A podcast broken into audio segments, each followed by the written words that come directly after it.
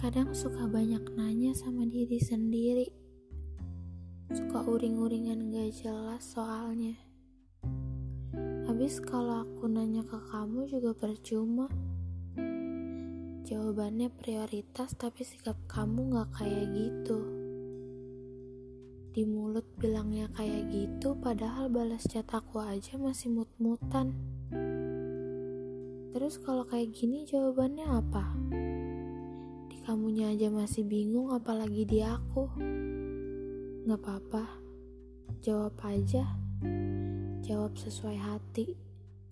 Gak baik kan bohongin perasaan sendiri.